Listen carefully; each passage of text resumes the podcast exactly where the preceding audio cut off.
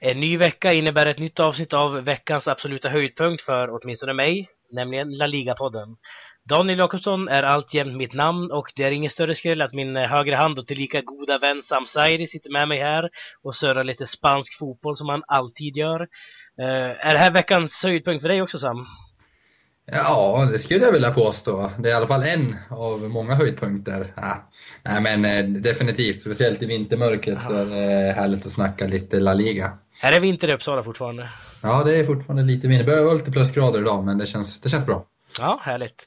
Eh, med oss den här veckan har vi även en gäst i form av Kasper Nordqvist som gör sitt andra inhopp här i La Liga-podden.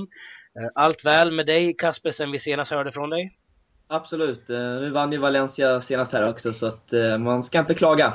Nej, precis. Eh, Kasper håller alltså som eh, han nyss nämnde här på Valencia och det kanske många kommer ihåg från ett tidigare avsnitt han har varit med. Eh, vi kommer ägna en del av programmet till just Valencia. Men ehm, vi kommer även prata lite grann om hemma och bortaspel i La Liga för botten respektive topplagen, skillnader och så vidare. Men allra först var min tanke att vi ska prata lite grann om det senaste som har hänt i helgen. Och givetvis ska vi börja plocka fram El Derby Madrileño där Atletico Madrid fullständigt körde över Real Madrid med solklara 4-0. Det här var sjätte matchen i rad som Real Madrid inte lyckas bräcka Los Rojiblancos. Varför vinner Atletico matchen, Sam? Ja, för att de eh, framförallt eh, var hungrigare skulle jag säga och det känns som att Atletico alltid är hungrigare eh, när de möter Real Madrid. Kanske Eh, CL-finalen ville Madrid lite mer. Nu tycker jag den matchen eh, är ett undantag på grund av omständigheterna. Det var väldigt mycket nerver kändes det som. Det kändes som att bara hela matchen låste sig. En väldigt dålig final med andra ord. Men eh, framförallt att man är mycket hungrigare, man vill mycket mer och man har ett psykologiskt övertag. Eh, sedan så får vi inte heller glömma bort att Real Madrid eh, har skadebekymmer men det spelar ingen roll i, i en sån här match och, och, speciellt inte när de har spelat så många gånger och Atletico har dragit det längsta strået typ varje gång nu känns det som. Mm. Håller du med Kasper? Absolut. Uh, Simeone har ju en tendens att uh, bara liksom tok, tokköra och liksom sätta gasen i botten och, och det var verkligen en sån sån dag eh, ja, i derbyt. Och, eh, ja, det, var, det var ju bara ett lag på planen som, som syntes väl. Så att, ja. Eh, och sen är, det, sen är det också alltid kul nu när Atletico börjar vinna mot Real. För det var väl 2011 som Real-fansen ville ha ett värdigt derbymotstånd och det har de ju verkligen fått nu på senare tid. Ja, det var ju några år där inte Atletico kunde vinna över Real överhuvudtaget. Det var nästan det var ingen mening att spela de här matcherna. Till och med Getafe hade större chans. Liksom. Men eh, det har hänt en del och nu har vi alltså under hela den här säsongen så har inte Real Madrid kunnat besegra Atletico överhuvudtaget. Var, varför, varför, vad är det som gör att Simeones liksom, lagbygge och taktik fungerar så perfekt mot Ancelottis Real Madrid, Sam? Eh, det är många faktorer, men jag skulle faktiskt vilja köra vidare på det här eh, hungerspåret. Eh, som, eh, det är mycket som faller in där. Det är just det här att, om jag bara drar den här parallellen till Barcelona som också har haft problem med Atletico tidigare, men som nu kanske har fått ett litet övertag, så är det just att Atleticos signum är verkligen att man har jobbat lite hårdare än motståndarna och det, det ser man varje match.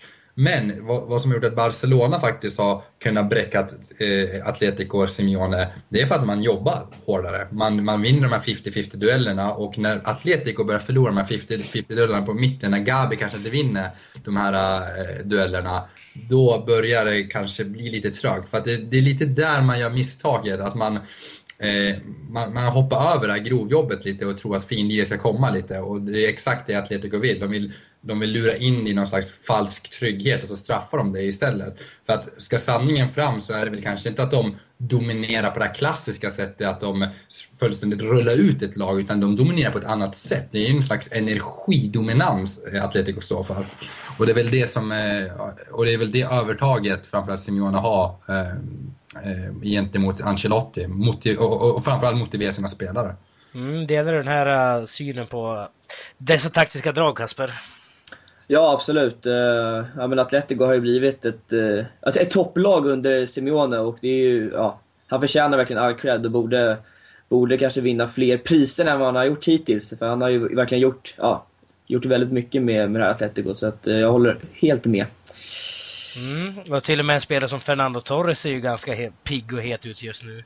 Mm. Um, kan han få fram någonting extra här Simeone? Man snackar mycket förr om att Sir Alex Ferguson fick ut grejer av spelare som John O'Shea eller Darren Fletcher som kanske inte är några bollbegåvningar.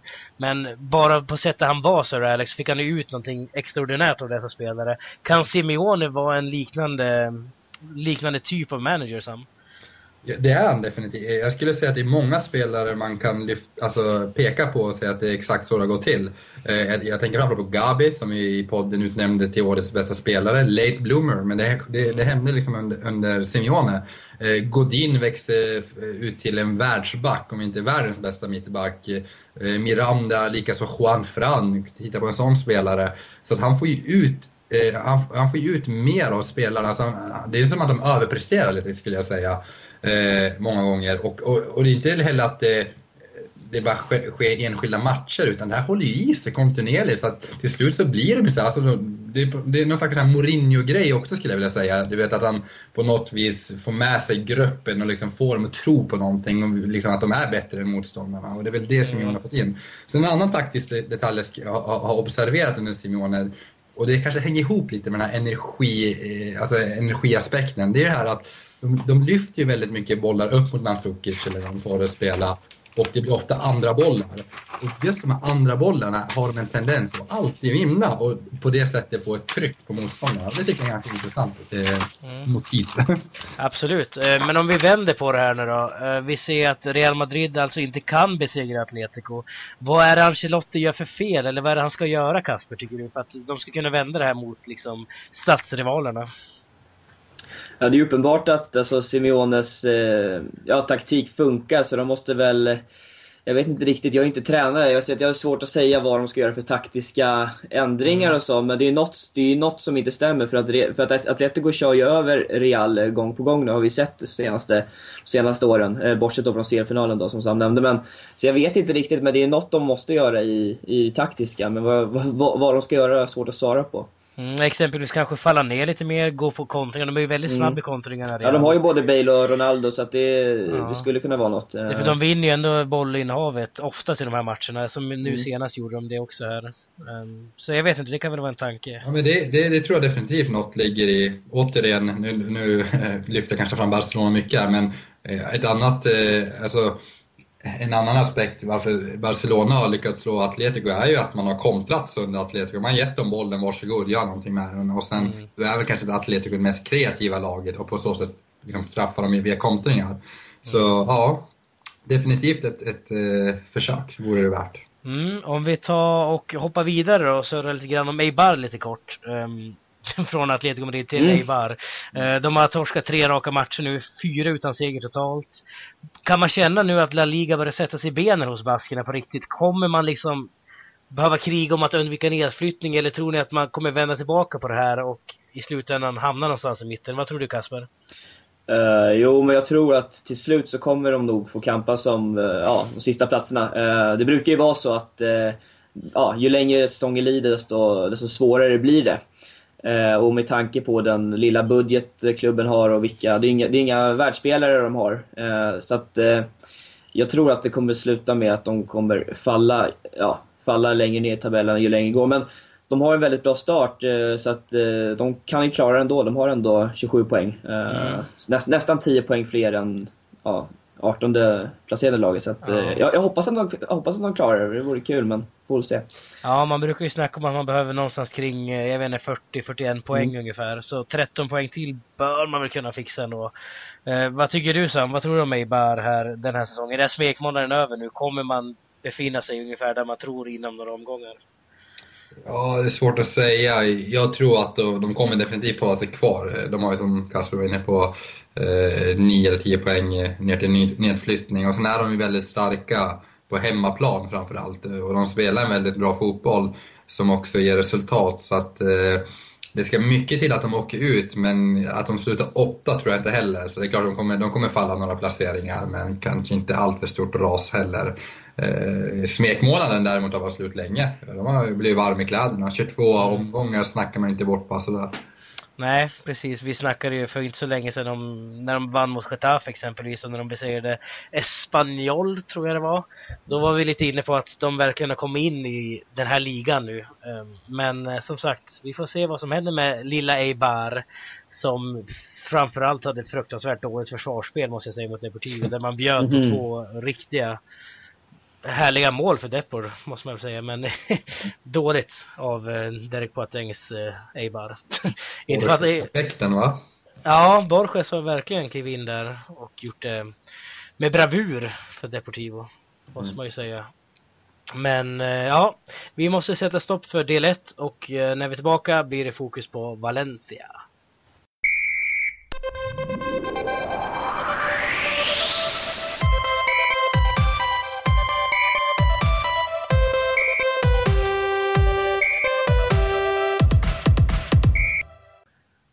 Ett utav de lag som blandar och ger mest just nu är utan tvekan Valencia. Eh, laget har skiftat mellan motgång och medgång hela säsongen och nu senast så vann laget med 1-2 borta mot Espanyol.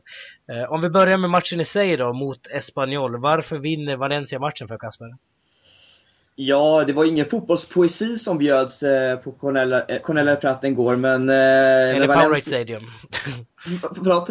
Eller Powerade Stadium. Ja, precis. Men, Men, eh, ja, men Valencia, ja, de, de var bättre. Det är ett bättre lag också. Eh, de hade lite marginal på, på, på sin sida också. Parejo sköt ju en frispark som via ryggen på Espanyols målvakt eh, gick in i mål. Så de hade lite flyt, men fortfarande så, så var de det bättre laget. Men som sagt, det var, det var, det var ingen fotbollspoesi som det bjöds på. Mm. Nej, var match, eh, segern rättvis då, tycker du? Ja, men det tycker jag. Eh, jag tycker, jag, jag tycker det, men, eh, men jag är fortfarande besviken över insatsen. Eh, man kan kräva mer av, av så många duktiga spelare som fanns på planen igår. Eh, de kom inte alls upp i, i den standard som man, man skulle vilja se dem i, men ja, tre poäng är alltid tre poäng. Ja, det har varit en dyrbar seger också med två skador där, både på Paco Alcacer och Enzo Perez. Mm. Men vad tycker du Sam här då? Är du lite besviken på Valencias insats trots segern? Ja, jag, delar analysen om att, de inte, att spelarna inte eh, kom upp i standard. Eh, samtidigt så är det en styrka, för det är väl det som eh, har varit Valencias problem eh, tidigare. Tidigare säsonger, att när man väl inte kom upp i, i, i, på den nivå man vill ligga på, så då, då förlorar man också, eller tappade poäng. Nu lyckas man ju till och med ta hem alla tre poäng och vinna.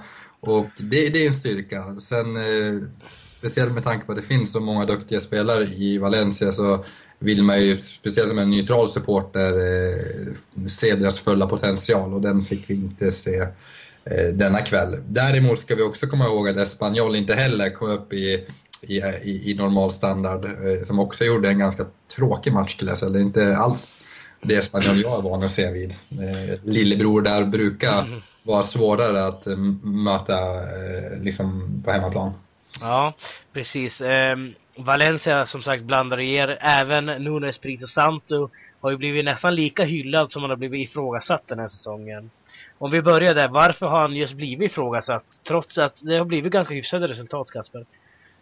Jo, men det är ju... Eh, Valencia har gjort väldigt många bra resultat mot de stora klubbarna, men de har verkligen inte levererat mot de mindre lagen. Eh, och det är väl det som många har eh, varit besvikna över. Att, eh, att, man, att man ena stunden vinner liksom mot Real Madrid med 2-1 för att veckan efter liksom torska mot ett halvmediokert gäng. Och det är väl ja, det är, det är där liksom man tycker att Valencia ska kunna prestera bättre. Mm. Eh, Respassi-cupen där också mot eh, Exakt, Espanyol. exakt. Um, men vad, vad, tycker du Sam om eh, Santo som tränare för Valencia? Vad, vad ser du i den här killen? Ja, jag, jag, tycker han har gjort det väldigt bra, speciellt resultatmässigt. Men, eh, han, han har ju ett problem att, eh, jag vet inte om det ligger i motivationen, att motivera sina spelare till de här lite mindre matcherna. Eh, men jag tycker ändå att de här eh, vinsterna, vinsten mot Real Madrid exempelvis, att de är med och liksom eh, ligger där på en fjärde plats Man har tagit 13 vinster, det väger ändå över på något vis. Men eh, eh skulle man få till, alltså det är ändå nio matcher man, man har tappat poäng och eh, bara halvera det så är man ju uppe i toppen, så det är inte så långt kvar. Och det är väl det som är det där lilla steget. Och frågan är, kan Espirito Santo, är han mannen för att ta dem upp och, eh, för att utmana Atletico, Barca och Real? Det, det, det låter jag vara osagt, det får Kasper svara på. mm, men om de nu liksom tar sig till Champions League, kommer man fortfarande ifrågasätta Santo? Är det liksom spelstilen så viktig för Valencia? Frågar, frågar du mig eller? Ja, precis. Ah, nej, men eh, alltså, personligen, alltså, jag gillar ju jag gillar ju Santo. Jag tror att, jag tror att han är rätt man. Uh, Eh, men, alltså, och det var ju någon statistik över det att, eh, att Valencia gjort den näst bästa, de här första 20 matcherna var liksom den näst bästa på, på, på många år. Det var bara Unai Emery under 2009 tror jag, när de hade Via och Silva och grabbarna, mm. som gjort bättre resultat. Så att han har gjort det väldigt bra. Så att, eh, men men Valencia-fansen har alltid här, lite orimligt stora förväntningar kan jag tycka ibland. Så att, men skulle vi komma till Champions League så är det så skulle jag vara jättenöjd. Jag tror många är det också, för det var, det var ju några år sedan vi var i Champions League nu. Så att, eh. mm. och det, och ja, man saknar dem där. Ja, det borde nog vara målet också. Mm. Eh, det känns som att det är ett realistiskt mål framför allt och eh, jag, jag, tror inte att de är redo för att liksom utmana Atletico Barça Real än, men det är en bra början att ta en Champions League-plats. Ja, precis. Valencia känns... De kan utmana ja, Real, Barca och Atletico i enstaka matcher, men över en hel mm. säsong så har, behöver de nog en eller två säsonger till på sig. Mm. Men med, eh, men med våra nya miljardär som, eh, som, eh, som pumpar in pengar så kan det, det, kan nog vara, ja, det kan nog vara uppnåeligt om, om ett eller två år. Mm. Ja, när vi ändå är inne på det så värvar man alltså Enzo Perez för en väldigt stor summa pengar för att vara Valencia ändå. För mm. det var ganska oväntad värvning dessutom. Eh, var det här ett tecken från Peter Lim att Valencia är att räkna med nu i framtiden, eh, Kasper? Ja, alltså Enzo Perez han var ju på gång redan i somras. Eh, det var ju nästan, det var ju folk som skrev på Twitter att han redan var klar i somras. Eh, sen blev han inte det och sen så Sen så rann det där ryktet ut i sanden, men så kom det som en liten överraskning här. Mm. Eh, slog ner som en bomb nästan. Precis. Eh, och eh, att, att han köpte för så mycket pengar och att United även ville ha honom, att han, att han istället gick till Valencia, det, det är ju ett styrkebesked. Mm. Och jag hoppas ju nu att, det har ju snackats om Otamendi till, till, till United, men jag hoppas att, att liksom Valencia kan behålla sina guldklippar nu. Det är samma sak med Gaia som ryktas till Real. Tidigare har ju problemet varit att man har hela tiden behövt skeppa iväg sina storstjärnor, att man hela tiden måste bygga om på nytt. Men jag hoppas att med Peter Lims pengar att man kan liksom behålla stommen och, ja, och bygga vidare därifrån istället. Ja, precis. Man har haft problem, som exakt som du säger, David Villa till Barcelona, mm. eh, Raúl Albiol till Real Madrid och så vidare. Ja, Men, våra, våra vänsterbackar i Bernat och Alba och... Exakt, precis. Eh, men vad tycker du Sam om Peter Lims inträde i klubben? Har det förändrat någon slags attityd tycker du? Både i spansk fotboll och i Valencia sig? Ja, det har det gjort eh, på både gott och ont. Det goda är väl det ekonomiska eh, och kan man hitta balansen i det utan att det blir någon slags konflikt med klubbidentiteten, då, då ser jag det definitivt som något positivt. Sen angående Enzo Pérez måste jag säga att eh, jag tror inte den värvningen eh, rent fotbollsmässigt kanske eh, sänder någon slags storslagna signaler. Det tror jag inte, mm. eh, med all respekt åt honom. Utan eh, det är väl snarare söm, peng, alltså summan de erbjuder, att de faktiskt konkurrerar med, med som Kasper var inne på, United. Det är väl den signalen som är ja. snarare ge, alltså, ger någonting. Den, den, den, den väger tungt. Men Peter Lim definitivt och eh, hans inträde i klubben har väl på något vis gett någon slags självförtroende eh, bland spelarna, supportrarna, ett hopp som Eh, man inte vågade drömma om som Valencia-supporter för några år sedan kan jag tänka mig. Och, eh, målet borde vara att, eh, eller det bör vara att försöka behålla nyckelspelarna, för det har ju varit det stora problemet i Valencia på senare år.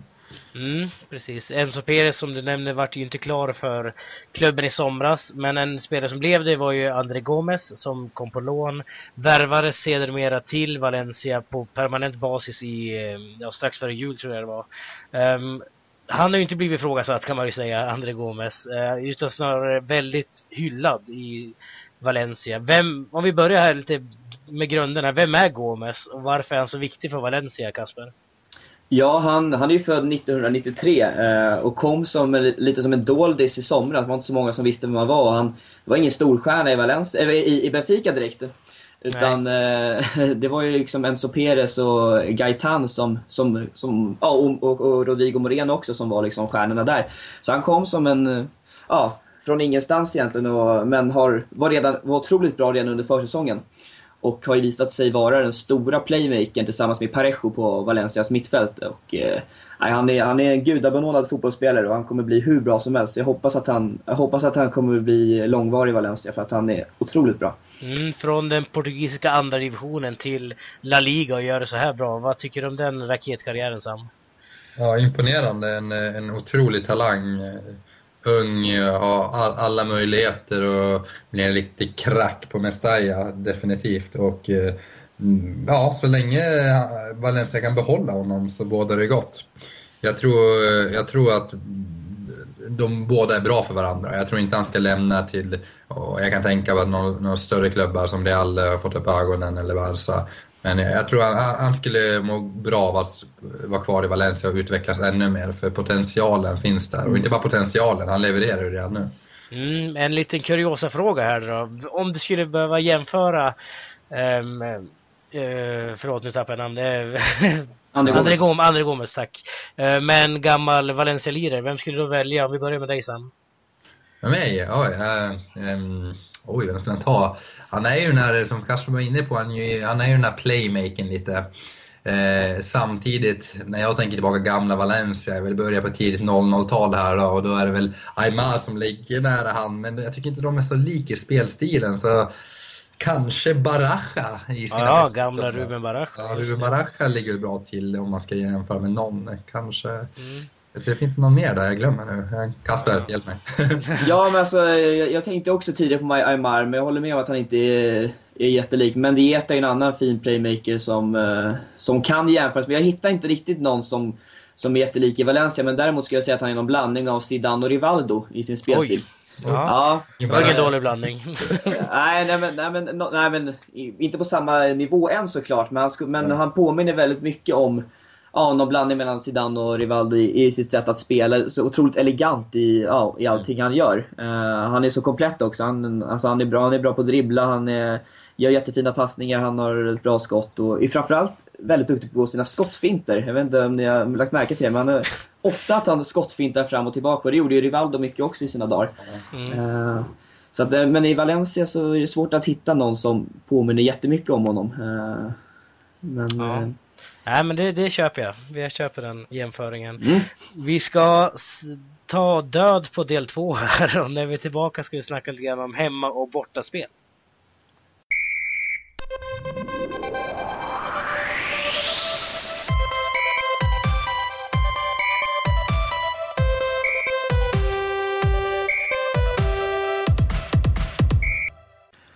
En intressant observation som går att göra efter mer än halva säsongen spelad är att många bottenlag har det oerhört svårt att spela på hemmaplan faktiskt. Almeria Cordoba har exempelvis bara en seger vardera på hemmaplan.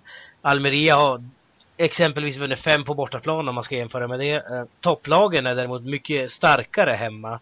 Eh, Sevilla är det enda laget i ligan som är obesegrade fortfarande. Real Madrid har en förlust, Barcelona en förlust, Atletico en, Valencia en och så vidare. Um, om vi börjar så här, har du någon teori om varför det ser ut på det här viset Sam?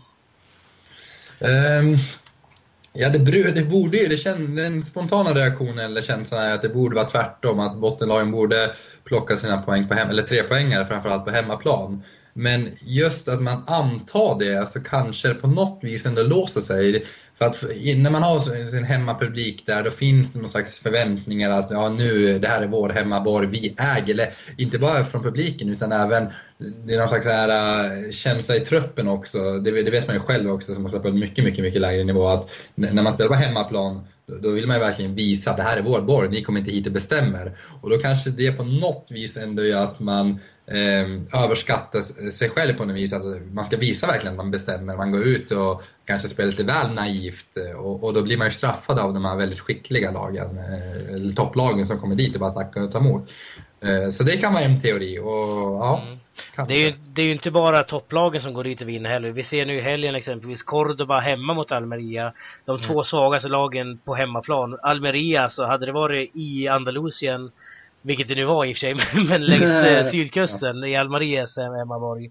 Då hade ju förmodligen Cordoba vunnit istället den matchen. Det är jättekonstigt det här. Jag tycker det är som en omvänd Jag vet inte. Jo, men det, Ja. jag tror också, det, kan- det där kan man applicera också på bottenlagen, för där blir det också så här att eh, hemmalagen så här, blir lite väl naiva och sen börjar man överskatta sig själv lite och nu, men nu möter vi ett lag som är på vår nivå här, nu ska vi köra, köra över dem och då spelar man kanske lite fel och blottar sig lite väl och då utnyttjar motståndarna det.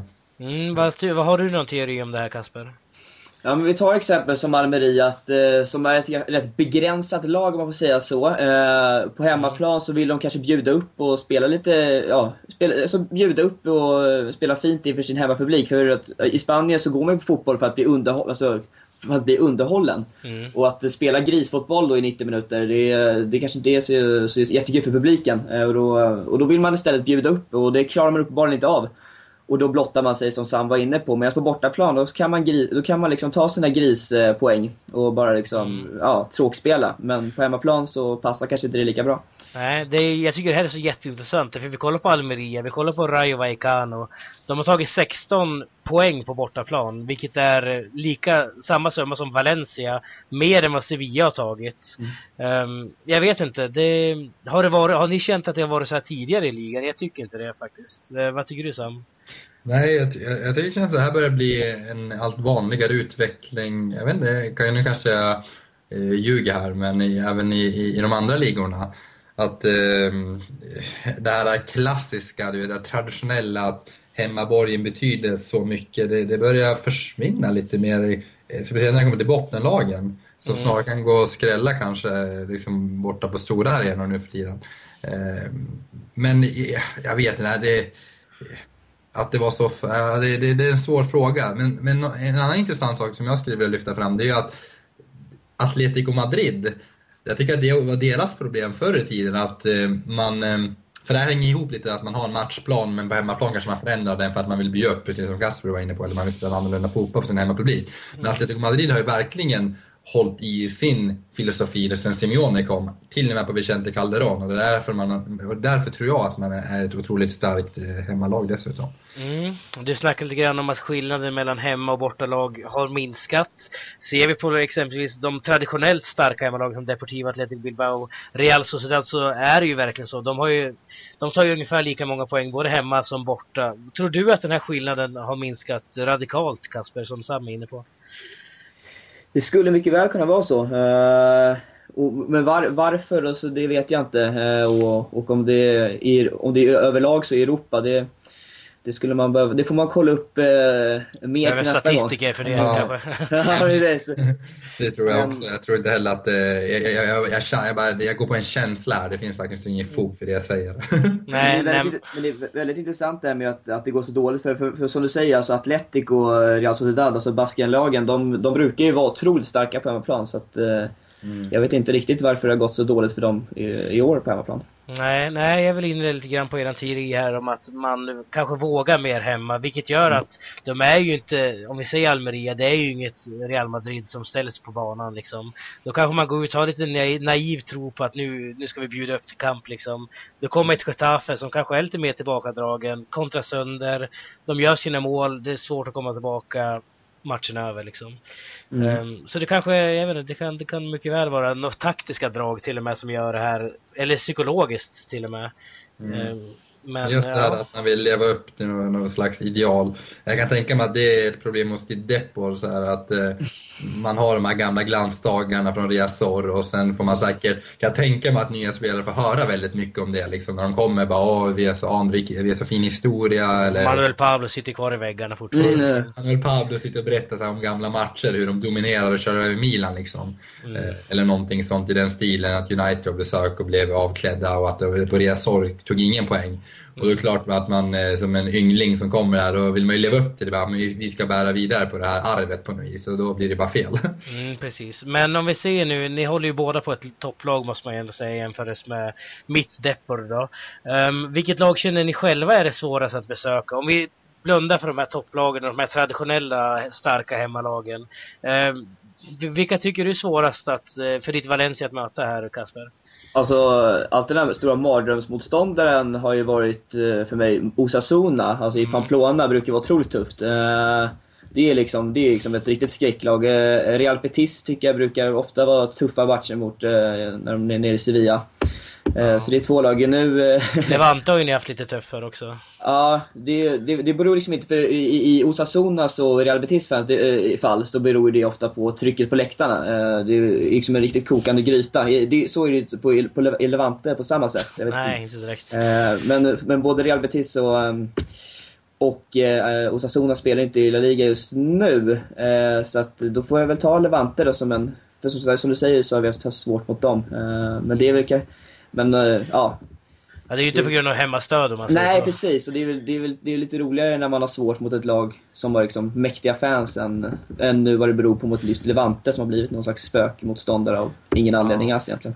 Precis. Jag, nu vänder jag mig till dig här då Sam. Jag skulle gissa att du förmodligen sitter och tänker på Anoeta här. Jag vet inte, för ditt Barcelona. Har du någon annan, eller vill du lyfta fram Anoeta som väldigt tufft för Barca?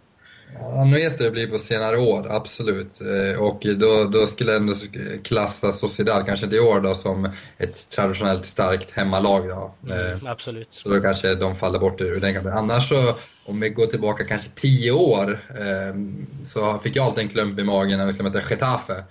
Eh, som Barcelona hade stora problem med. Och, och jag kommer ihåg det att när Pep-eran började då var det någon superviktig match mot Getafe som man direkt efter ett landslagsuppehåll som också var signum för Barcelona att man hade stora problem när man kom tillbaka. Och så mötte man just Getafe och så vann man där med att Messi gjorde ett 0-1 mål och man vann med 0-1 bara.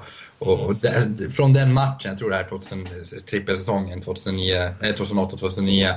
Eh, och sen dess har man fått det mycket lättare mot eh, Getafe borta. Men annars hade man några problem och det, det, den ska vi lyfta fram. Men annars är det definitivt, som Kasper är inne på, det, det är skönt att slippa i år. Det är Pamplona, Osasuna. Mm. Det går inte att vinna där känns det Nej, det är en tuff match för många lag.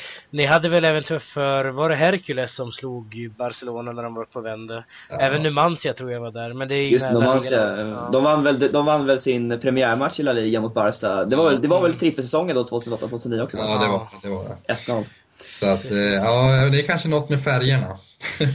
Man ser ju rödblå också som Ja, precis. Men eh, om vi vänder på det då. Är det någon arena ni känner, oh jäklar, nu, skönt, nu är vi här, liksom, nu är det tre starka, eller enkla poäng. Vad tycker du Kasper? Alltså, jag vet ändå, det finns så enkla poäng. Eh, i, i, det, är svårt, alltså, det är svårt att säga, så det känns... Eh, men alltså, alltså de här små, de här små pyttarenorna som är mot Rayo Vallecano, alltså Getafe de där lagen, de är man inte rädda, man är liksom inte rädd för ett, liksom en kokande gryta på det sättet. Sen kan, liksom, sen kan ju de chocka ändå liksom, med, med liksom sin underground-stil. Liksom. Men, men jag möter ju hellre sådana lag än, än att åka upp till Basken och möta Bilbao eller Real Sociedad eller, eller för all del Vigo eller Depor. Uh, mm. Men de här, de här pyttelagen med, med lite fans, sådana möter jag ju hellre liksom. Men, det, men det är fortfarande, det kan ju, det kan ju liksom ändå sluta med magplask. Precis, absolut. vad, vad, vad, tycker du då Sam? Har du något lag som du känner, ja! Nu ska vi upp dit och, eller ner dit och spela? Ja, det är ju såklart Real Madrid då. Nej, Den enkla. Den enkla. Nej, men rent statistiskt har, det varit, har Barcelona haft ett fint facit på Bernabéu på de senaste 7-8 åren i alla fall. Eh, men den känslan har man ju inte även om man vinner innan en match. Utan då, då det också en klump i magen eller mer en spänning. Annars är det väl samma resonemang som Kasper, att det är väl kanske eh, de arenorna där inte, som inte besitter den här grytstämningen. Ehm, och då skulle jag väl kanske också lyfta fram Vallecano eller eh, Eibar. Jag vet inte. Mm. Det är en väldigt eh, eh, charmig klubb på så sätt och att arenan är väldigt charmig men det är inte som att man känner att nej, det här blir svårt. Ja, det är ingen skräck direkt om vi säger Det är ingen skräck, men sen fotbollsmässigt kan det ju mycket väl bli en skräck ändå. Absolut. Som, ja, Absolut. var ju det. Själv så föredrar jag väl att åka till Balaidos lite då och då, ta en tre där. Det händer ju tyvärr inte i år då, men eh, ja, vi får se. Det är snart match på Resor mot Celta Vigo. Får se vad som händer. Det, mm. det är derbyt. Men vi börjar faktiskt närma oss slutet av programmet och eh, innan vi sätter punkt så tänkte jag att Sam ska köra veckans Tokero och veckans Faubert. Ja, veckan, vi kommer att köra lite lagbaserat den här gången, känner jag. Kollektiva utmärkelser. Och Tokiero är väl ganska givet. Atletico Madrids totala pulver, pulverisering av, mm. utav Real Madrid får eh, veckans Tokiero. Så att välförtjänt och imponerande. Inge Depor? Eh, ja, kanske Depor. Eh, Ja, nästa vecka kanske. En liten bubblare. En bubblare. Nästa vecka möter ju på Real Madrid borta. Tar man den, då tycker jag man nästan förtjänar veckans Tokiro. Jag vet inte. Veckans Faber då?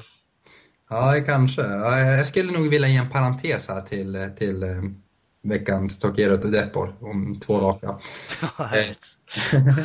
eh, veckans Faubert, eh, nu är det, den här kan ju vara lite orättvis kan man ju tycka också. Eh, eller lite tråkig om inte, kanske inte orättvis, det är eh, fel ord att använda, men det är väl givet att det blir Real Madrid. Eh, jag skulle dock vilja, eh, för Atletico gjorde en bra prestation med Real Madrids prestation var under all kritik. Men jag vill också ge en parentes här, att Elche har kommit undan lite väl lindrigt. Så att det blir nästan dubbel utmärkelse. Och nu spelar ju Elche i en väldigt intressant match, sexpoängsmatch mot Vallecano imorgon. Så att eh, kanske får äta upp de orden. Det är därför jag inte vågade ge dem den riktigt. Mm, de spelar faktiskt just nu. Jag kan avslöja ja, de, de vann med 2-0 kan jag faktiskt säga. Ja, så. Eh, så men visst, okay. den får stå kvar bara för det. Ja, den får vara kvar. Oj, ja, var dålig koll av mig. Vad tycker du om listan här, Kasper?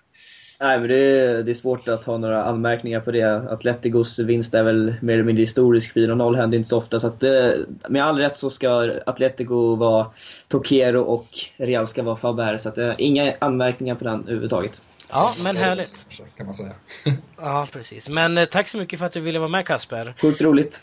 Ja, vi, eh, tack själv till dig också Sam förresten såklart. Ehm, vi andra, vi hörs nästa vecka och då är vi tillbaka med eh, ett nytt avsnitt och en ny gäst. Tack så mycket. Hej då!